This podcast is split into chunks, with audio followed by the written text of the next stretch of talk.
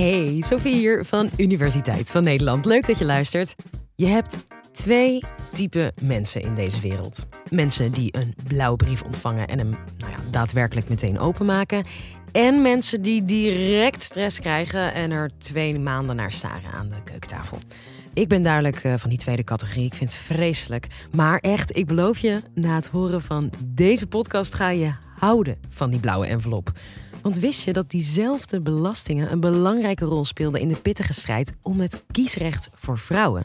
Hoogleraar belastingrecht Sigrid Hemels van de Erasmus Universiteit stuitte op dit bijzondere verhaal, net fiscaal randje, over Aletta Jacobs. Leuker kunnen we het niet maken. Ik woon al 25 jaar tegenover een van de huizen in Amsterdam waar Aletta Jacobs heeft gewoond. Nou, dat is natuurlijk heel leuk om zo'n beroemde stadsgenoot te hebben. En, nou, ik wist niet zo heel veel van Aletta Jacobs. Ja, dat ze de eerste vrouwelijke studenten was, maar meer eigenlijk niet. Afgelopen oktober, toen de Hoge Raad opeens digitaal een zaak beschikbaar stelde, die Aletta Jacobs had aangespannen omdat ze het stemrecht wilde en ze voldoende belasting betaalde om dat stemrecht ook inderdaad te krijgen. Ja, toen dacht ik natuurlijk, wacht even, Aletta Jacobs, tegenover wiens huis ik al 25 jaar woon, die het heeft over belastingen en kiesrecht. Dat moet ik verder onderzoeken. Het bijzondere aan Aletta Jacobs is zaken die door iedereen in haar omgeving heel normaal werden gevonden. Natuurlijk kunnen meisjes geen arts worden. Natuurlijk kunnen vrouwen niet stemmen. Daar stelde ze altijd vraagtekens bij. En een beetje op de Pipi Langkous manier. En, zoiets heeft ze ook wel eens gezegd. Van, nou ja, hè, het feit dat nog niemand het gedaan had, wil toch niet zeggen dat het niet kan. En dan ging ze kijken in wet en regelgeving. En uh, nou ja, hè, toen ze naar de universiteit wilde, uh, ging ze eens even in de wet op het hoger onderwijs kijken. Ja, er stond niet in, meisjes mogen niet naar de universiteit. En dan denkt zij op de Pipi Langkous manier, nou, dan kunnen we het in ieder geval gaan proberen. En dat heeft ze dus zowel met haar willen studeren uh, gedaan, als op een gegeven moment met waarom mag ik eigenlijk niet stemmen? In 1924 heeft ze een autobiografie geschreven, Herinneringen. En daarin kijkt ze terug op haar leven en kijkt ze terug op wat ze eigenlijk allemaal heeft gedaan. En, en ik heb die autobiografie meegenomen. En af en toe vind ik het wel leuk om daar even iets uit voor te lezen. Vanaf mijn zesde jaar heb ik steeds met de meest mogelijke beslistheid verklaard dat ik, net als pa en Julius, dokter wou worden. Geen ogenblik is toen of later de gedachte bij mij opgekomen dat dit voor een meisje moeilijk zou gaan. Ik wil net als mijn grote broer en, en mijn vader wil ik ook arts worden. Dat was dus al op haar zesde dat ze dat, dat wilde. Ze komt dus uit een gezin met elf kinderen. Haar vader was huisarts in Sappermeer. Ze ging dus naar de lagere school in Sappermeer en daar was ze echt een van de beste leerlingen. Alleen het probleem was, toen de lagere school klaar was, toen hield het dus een beetje op.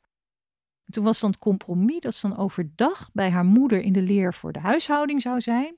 En dat haar vader dan s'avonds Duits en Frans zou leren. Nou, dat s'avonds, dat vond ze geweldig. En ze ging meteen ook inderdaad Duits en Frans leren. Nou, die huishouding ging niet zo goed. Want uh, wat ze bijvoorbeeld deed, was stof afnemen terwijl ze aan het lezen was. Ja, dan schrijft ze ook dat ze dan wel hele strepen oversloeg en ook nog wel eens wat brak. Dus haar moeder was zeer ontevreden. Haar vader, die, uh, nou ja, daar maakte ze wel mooie vorderingen. En uh, vervolgens is er iemand anders die zegt van... hey, er zijn nu net een paar meisjes leerlingapotheker geworden. Dus dat kun je in ieder geval gaan doen. Nou, en dan gaat ze dat ook inderdaad doen. En ze doet dat uh, examen ook als een van de jongste meisjes. En dat doet ze zo goed. Uh, terwijl eigenlijk de mede-examenkandidaten echt een beetje op haar neerkijken. Zo'n dom wicht uit de provincie, want het was in Amsterdam. Zij was 17 toen ze naar de universiteit ging. Nou, dat is meteen groot in de kranten gekomen. En als zij tentamens doet, komt dat ook groot in de kranten. Dus ze wordt echt al vanaf haar zeventiende door de pers gevolgd. En die vindt ook overal wat van. Naar aanleiding van dat ze ging studeren, had een Utrechtse student, Theodor, in het Studentenweekblad een heel giftig stukje geschreven. Dat hij hoopte uh, dat de heren studenten in uh, Groningen het mevrouw of mejuffrouw uh, Jacobs zodanig tegen zouden maken dat niet alleen zij weer zou vertrekken, maar ook geen enkel ander meisje op het idee zou komen om dit te doen. En in het volgende nummer van het Studentenweekblad heeft ene O daar uh, een reactie op geschreven. En die zei: Gelukkig vond zij in Groningen geen Theodors. Wij hebben haar juist uh, hartelijk begroet en, uh, en zij is dat ook waard. Nou, dat is dan toch wel weer aardig. In haar autobiografie schrijft ze dan ook: Ik mag nu wel bekendmaken wie die O is. En dat was Heike Kamerling-Onnes, de later Nobelprijswinnaar voor natuurkunde. Ze voelt ook wel die druk, maar ja, hoe ik mijn tentamens zou maken, daarvan zou afhangen of inderdaad in de toekomst ook nog meisjes toegelaten zouden worden. En dan ben je 17 en dan voel je dus zo'n druk op je liggen. Dat, dat, ik vind dat wel heel bijzonder. Op een gegeven moment was er iemand uh, die haar duizend gulden gaf, omdat hij zei: Ik vind dat je ook nog naar het buitenland moet voordat je gaat werken. Dat heeft ze gedaan na haar promotie en ze is naar Londen gegaan, omdat daar al eerder een vrouwelijke arts was die een medische school voor vrouwen- en kindergeneeskunde had opgericht. Die vrouw was zelf ook heel actief in de vrouwenkiesrechtbeweging. En in Engeland en in de Verenigde Staten heb je een hele sterke beweging No Taxation Without Representation. Het feit dat je wel belasting moet betalen, maar niet mag stemmen, dat vindt ze groot onrecht. Met die ervaring komt ze terug in uh, Amsterdam en inderdaad, als je op dat moment in de grondwet keek, dan stond daar eigenlijk alleen maar in: je moest Nederlander zijn. Maar er stond dus niet dat je man moest zijn. Je moest uh, in bezit zijn van je volledige burgerlijke rechten. Nou, dat was wel een probleem als je getrouwd was als vrouw. Want zo gauw je trouwde, raakte je eigenlijk gewoon je zelfstandigheid kwijt. Dan kreeg je weer de positie van een minderjarig kind. Maar goed, zij was niet getrouwd, dus zij was in bezit van haar volledige burgerlijke rechten. En heel belangrijk, je moest ook een bepaalde hoeveelheid belasting betalen. Als je getrouwd was, betaalde je geen belasting, want al jouw inkomen werd aan je man toegerekend. Dus je man, dat was de belastingplichtige, niet jij.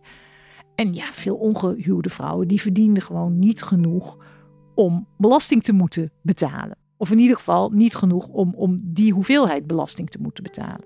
Maar ja, zij was arts. Zij betaalde die belasting wel. Ja, en dan, wat gebeurt er? Uh, nou, de eerstkomende verkiezingen, dat zijn de gemeenteraadsverkiezingen. Als een jurist gaat ze te werk. Ze wacht af tot de kiezerslijsten worden gepubliceerd. Dus de lijst waarop de namen stonden van de mensen die het recht hadden om te gaan stemmen. Nou, niet geheel onverwacht ziet ze haar naam daar niet op staan. En dan dient ze een verzoek in bij het college van burgemeester en wethouders van Amsterdam om op die lijst te worden gezet. Dat komt binnen en uh, diezelfde avond is er een vergadering. Nou, er was ook nog een meneer die ook zo'n verzoek had ingediend. Het verzoek van die meneer wordt meteen toegekend. Uiteraard, nou, foutje, excuus. Uh, nou, die wordt netjes op de kiezerslijst geplaatst. Maar ja, mevrouw Jacobs, nou, grote hilariteit. En uh, ja, nee, dat, wordt natuurlijk afgewezen. Want oké, tuurlijk, er staat niet letterlijk in de grondwet dat vrouwen niet mogen stemmen. Maar uiteraard heeft de grondwetgever dat wel bedoeld. Punt. Ja, de meerderheid vindt het natuurlijk volstrekt ridicuul. Maar ze tekent beroep aan tegen die uitspraak. En dat is dan bij de rechtbank in Amsterdam. En nou, de rechtbank die zegt van uh, als de grondwet had bedoeld dat ook vrouwen mochten stemmen, dan had de grondwetgever dat gewoon gezegd. Want dat is zo in strijd met wat er in die tijd gebruikelijk was. Het is misschien wel de letter van de wet die niet zegt dat vrouwen niet mogen stemmen. Maar het is toch overduidelijk de geest van de wet dat dat niet de bedoeling is. Dan wordt het wel echt vervelend. Ze krijgt echt nou ja, wat wij nu zouden noemen hate mail. Alleen dan dus niet via de e-mail of via sociale media, maar via de geschreven pers. En dan zegt ze toch Natuurlijk is dat verschrikkelijk. Maar het is wel, het is groter dan ik zelf wat ik hier aan doen ben. Hè. Het is belangrijk dat ik doe, dit doe. En ze gaat dus in beroep bij de Hoge Raad. Maar de Hoge Raad zegt inderdaad ook, uh, ja, hè, dat, dat is gewoon duidelijk. Dit heeft de grondwetgever nooit bedoeld. En uh, uiteraard kunnen vrouwen niet stemmen. En Veel belangrijker, zegt de Hoge Raad, is dat gehuwde vrouwen zelf niet belastingplichtig zijn, want hun inkomen wordt aan hun man toegerekend. De belastingplichtige is hun man. Dat zou dus betekenen dat gehuwde vrouwen, omdat ze dus geen belasting betalen, niet mogen stemmen. En ongehuwde vrouwen die voldoende belasting betalen wel. Nou, dat zou toch heel raar zijn als de grondwetgever zo'n verschil in behandeling tussen gehuwde en ongehuwde vrouwen zou hebben. Nou, en later zegt Aletta Jacobs, ja, nou, maar wij mogen wel als ongehuwde vrouw belasting betalen. En dat vinden ze dan geen gek onderscheid.